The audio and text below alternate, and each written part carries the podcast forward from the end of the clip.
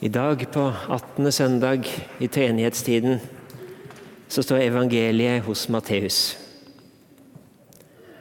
Da Jesus gikk inn i Kapernaum, kom en offiser til ham og ba om hjelp. Herre, sa han, tjenestegutten min ligger lam hjemme og har store smerter. Jesus sa, jeg skal komme og helbrede ham. Offiseren svarte, Herre, jeg er ikke verdig til at du kommer inn under mitt tak, men si bare et ord, så vil tjenestegutten min bli helbredet.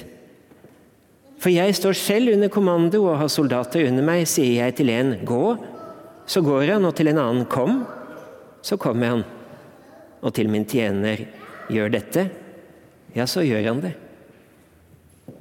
Jesus undret seg da han hørte dette, og han sa til dem som fulgte ham, sannelig, jeg sier dere, en slik tro har jeg ikke funnet hos noen i Israel. Det sier jeg dere, mange skal komme fra øst og fra vest og sitte til bords med Abraham og Isak og Jakob i himmelriket. Men rikets barn skal kastes ut i mørket utenfor, der de gråter og skjærer tenner. Til offiseren sa Jesus, gå. Det skal skje slik du trodde og tjenestegutten ble frisk i samme stund. Slik lyder det hellige evangelium. Hellige Far, hellig oss i sannhet, ditt ord er sannhet. Godt folk. Det er mange generasjoner norske menn, og etter hvert en del kvinner, som har den erfaringen, felles erfaringen, der hun har vært i militæret. Opp med hånd, alle som har vært innom militæret ved en eller annen anledning. Ja, det er en god del. Da har han kanskje avtjent verneplikten, gjennomført rekruttskole på Evjemoen kanskje, eller Terningmoen, eller Jørstadmoen eller Sessormoen. De heter gjerne noe med Moen, disse stedene. Sjøl var jeg på Lahaugmoen rett borti her.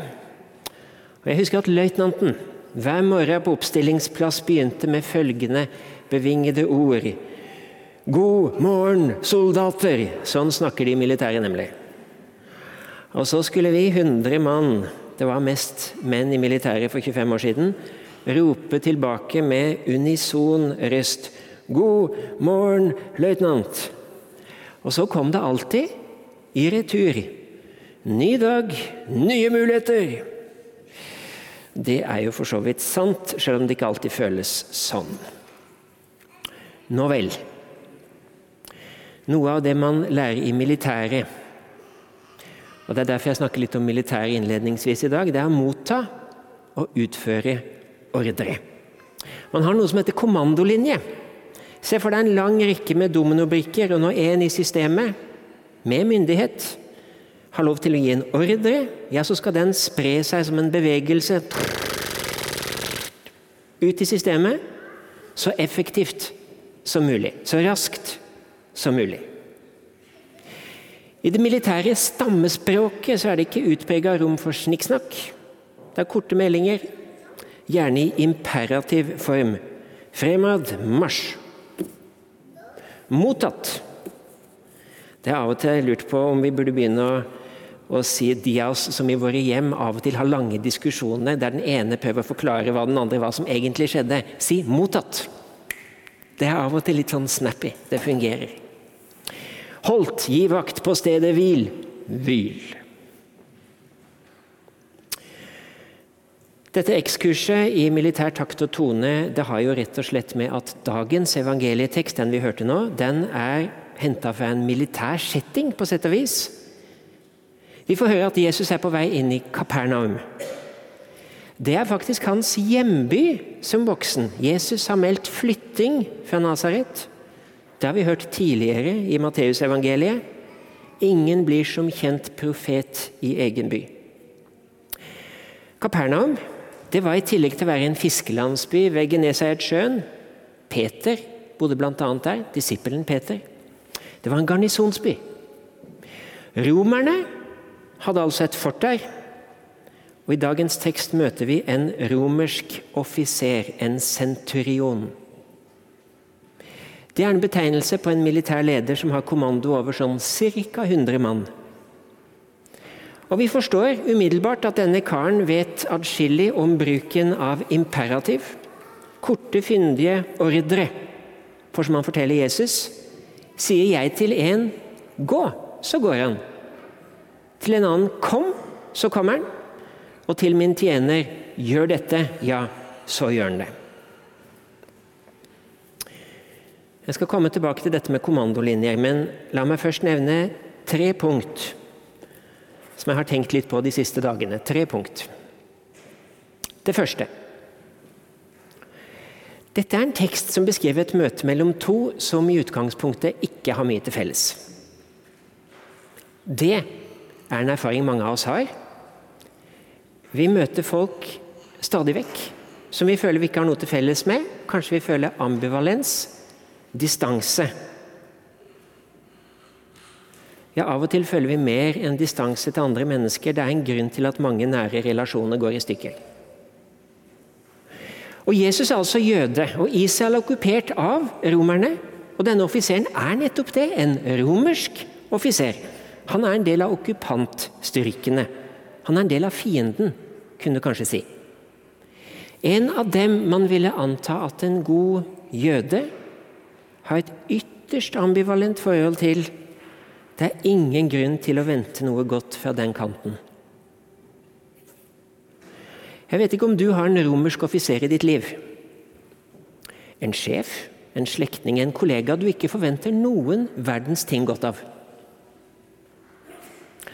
Dagens tekst minner oss om at av og til så må vi være forberedt på at livet kan overraske oss. At av og til overrasker den andre oss. Akkurat som den romerske soldaten tar av seg visiret og viser et annet ansikt. Så moralen er, tenker jeg for å begynne der, la oss ikke tenke for fastlåst om det eller de menneskene vi strever med i vårt liv. Det kan bo mer i denne romerske offiseren enn du tror.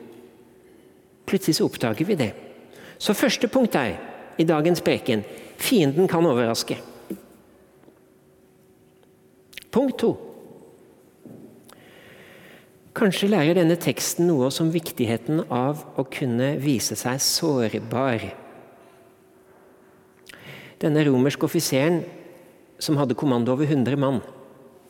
Det var opplagt han hadde makt. Det var opplagt han hadde innflytelse. Det var opplagt at han hadde gjort karriere.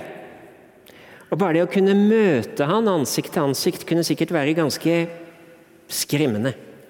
Der han sto i hele sin offisers utrustning.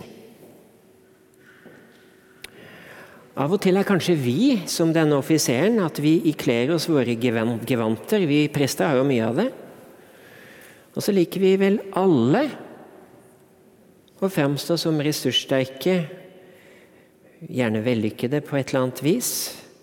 Kanskje med en karriere, en CV, velfungerende relasjoner. Kanskje løper du halvmaraton og spiser sunt til frokost. Hvordan har du det? spør noen. Jo, takk, bare bra. Og det er for så vidt fint hvis vi kan si det. Takk, bare bra. Men, men jeg tror jo at alle de fleste av oss samtidig, akkurat som denne offiseren, har noe i livet som vi baler med, noe som er sårbart, som nager oss, holder oss våkne om natta kanskje. Og som vi, dersom vi velger å ikke dele det med noen, men bare sprade rundt i paradeuniformen 'jo takk, bare bra', det er alt vi klarer å si om oss sjøl, da gjør vi oss mer ensomme enn vi trenger å være. Så av og til så tror jeg det er lurt å gjøre som denne romerske offiseren. Senke garden. Dele vår uro. Dette gjør meg redd nå. Dette strever jeg med. Jeg skulle så inderlig ønske at prikk, prikk, prikk. Jeg tror at vår venn, den romerske offiseren, kan lære oss noe om å vise sårbarhet at det kan bidra til heling, helbredelse, liv. Så det var altså det andre punktet mitt. Viktigheten av å kunne gjøre seg sårbar. Det tredje jeg hadde lyst til å snakke om, det var Jesu reaksjon. Jesu respons til denne fremmede, til denne okkupanten. Denne romerske offiseren er altså redd for sin tjenestegutt. Vi skjønner det er en relasjon som betyr mye for offiseren, for her går han aldeles utenom linja. Det var aldeles uvanlig at en herre skulle seg, bry seg om en tjener på dette viset. La meg bare sitere Aristoteles. Dere husker Aristoteles, filosofen, som vi syns har så mye klokt å si. Vel, han hadde dette å si også. For herre og slave har ingenting til felles. En slave er et levende verktøy, på samme måte som et verktøy er en ubesjelet slave. Denne offiseren var opplagt vant til det vi kaller asymmetriske relasjoner. Du står i kommandolinje. Samtidig så bidrar han til å sprenge disse. Han gjør noe som er aldeles ikke forventa. I møte med Jesus er det imidlertid som han sjøl ikke føler seg verdig. Men han sier at hvis bare Jesus gir ordren, ja, så tror han at gutten vil kunne bli frisk som vi hørte. For jeg står selv under kommando, og sier jeg til en 'gå', så går han. Historisk sett så tror jeg det vil være nærliggende å tenke at Jesus ut fra mange gode grunner burde avvise denne mannen. Politiske grunner, religiøse grunner. Ja, så burde han holde avstand til denne mannen og hans unge tjener. Jesus synes snarere å bli grepet av mannens tro og hans fortvilelse. Og Jesu kraftfelt og virkeområde begrenses ikke av å, være, av å være i hans fysiske nærhet, for tjenestegutten blir frisk, står det, der han lå hjemme. Vi har tidligere i Matteusevangeliet hørt mange forunderlige fortellinger om at Jesus har helbredet så veldig mange. Blinde, døve, lamme. Og Da er det ofte mennesker som har hørt til Israels hus, så å si. Gode jøder.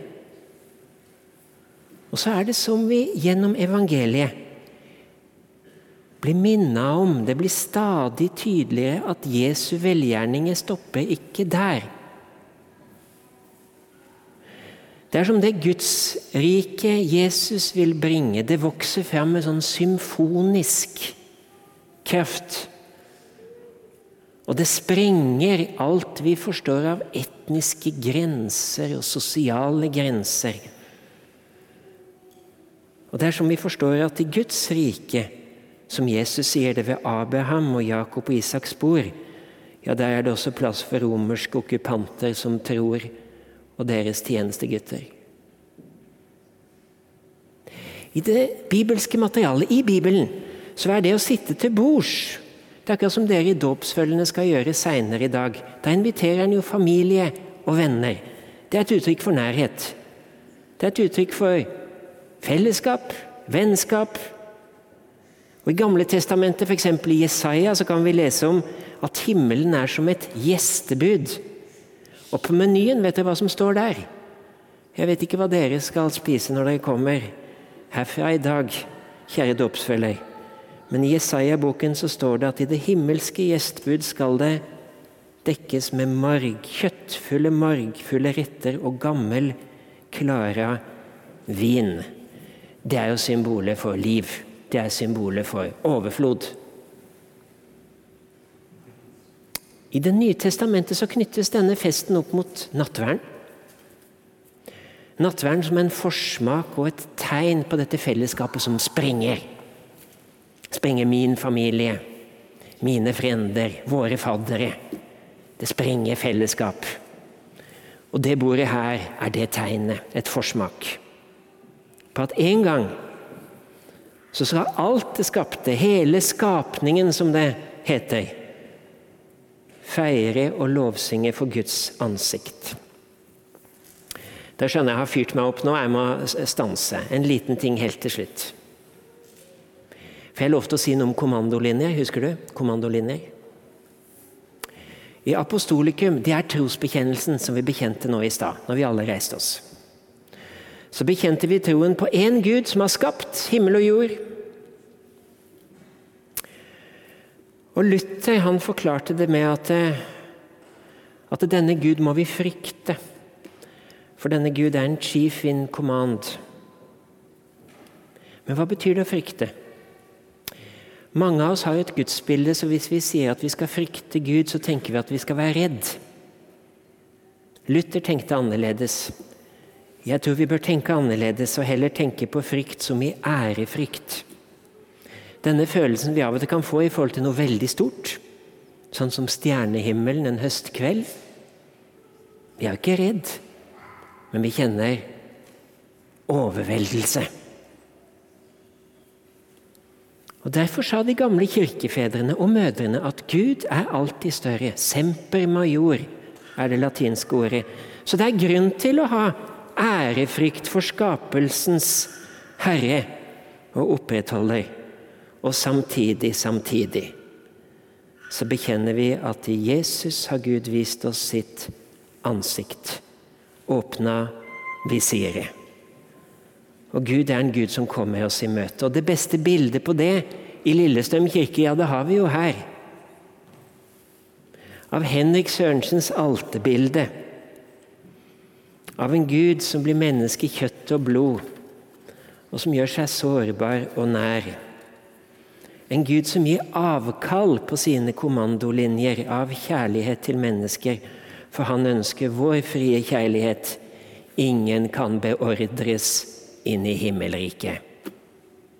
Dit kan bare frie mennesker velge å gå av kjærlighet.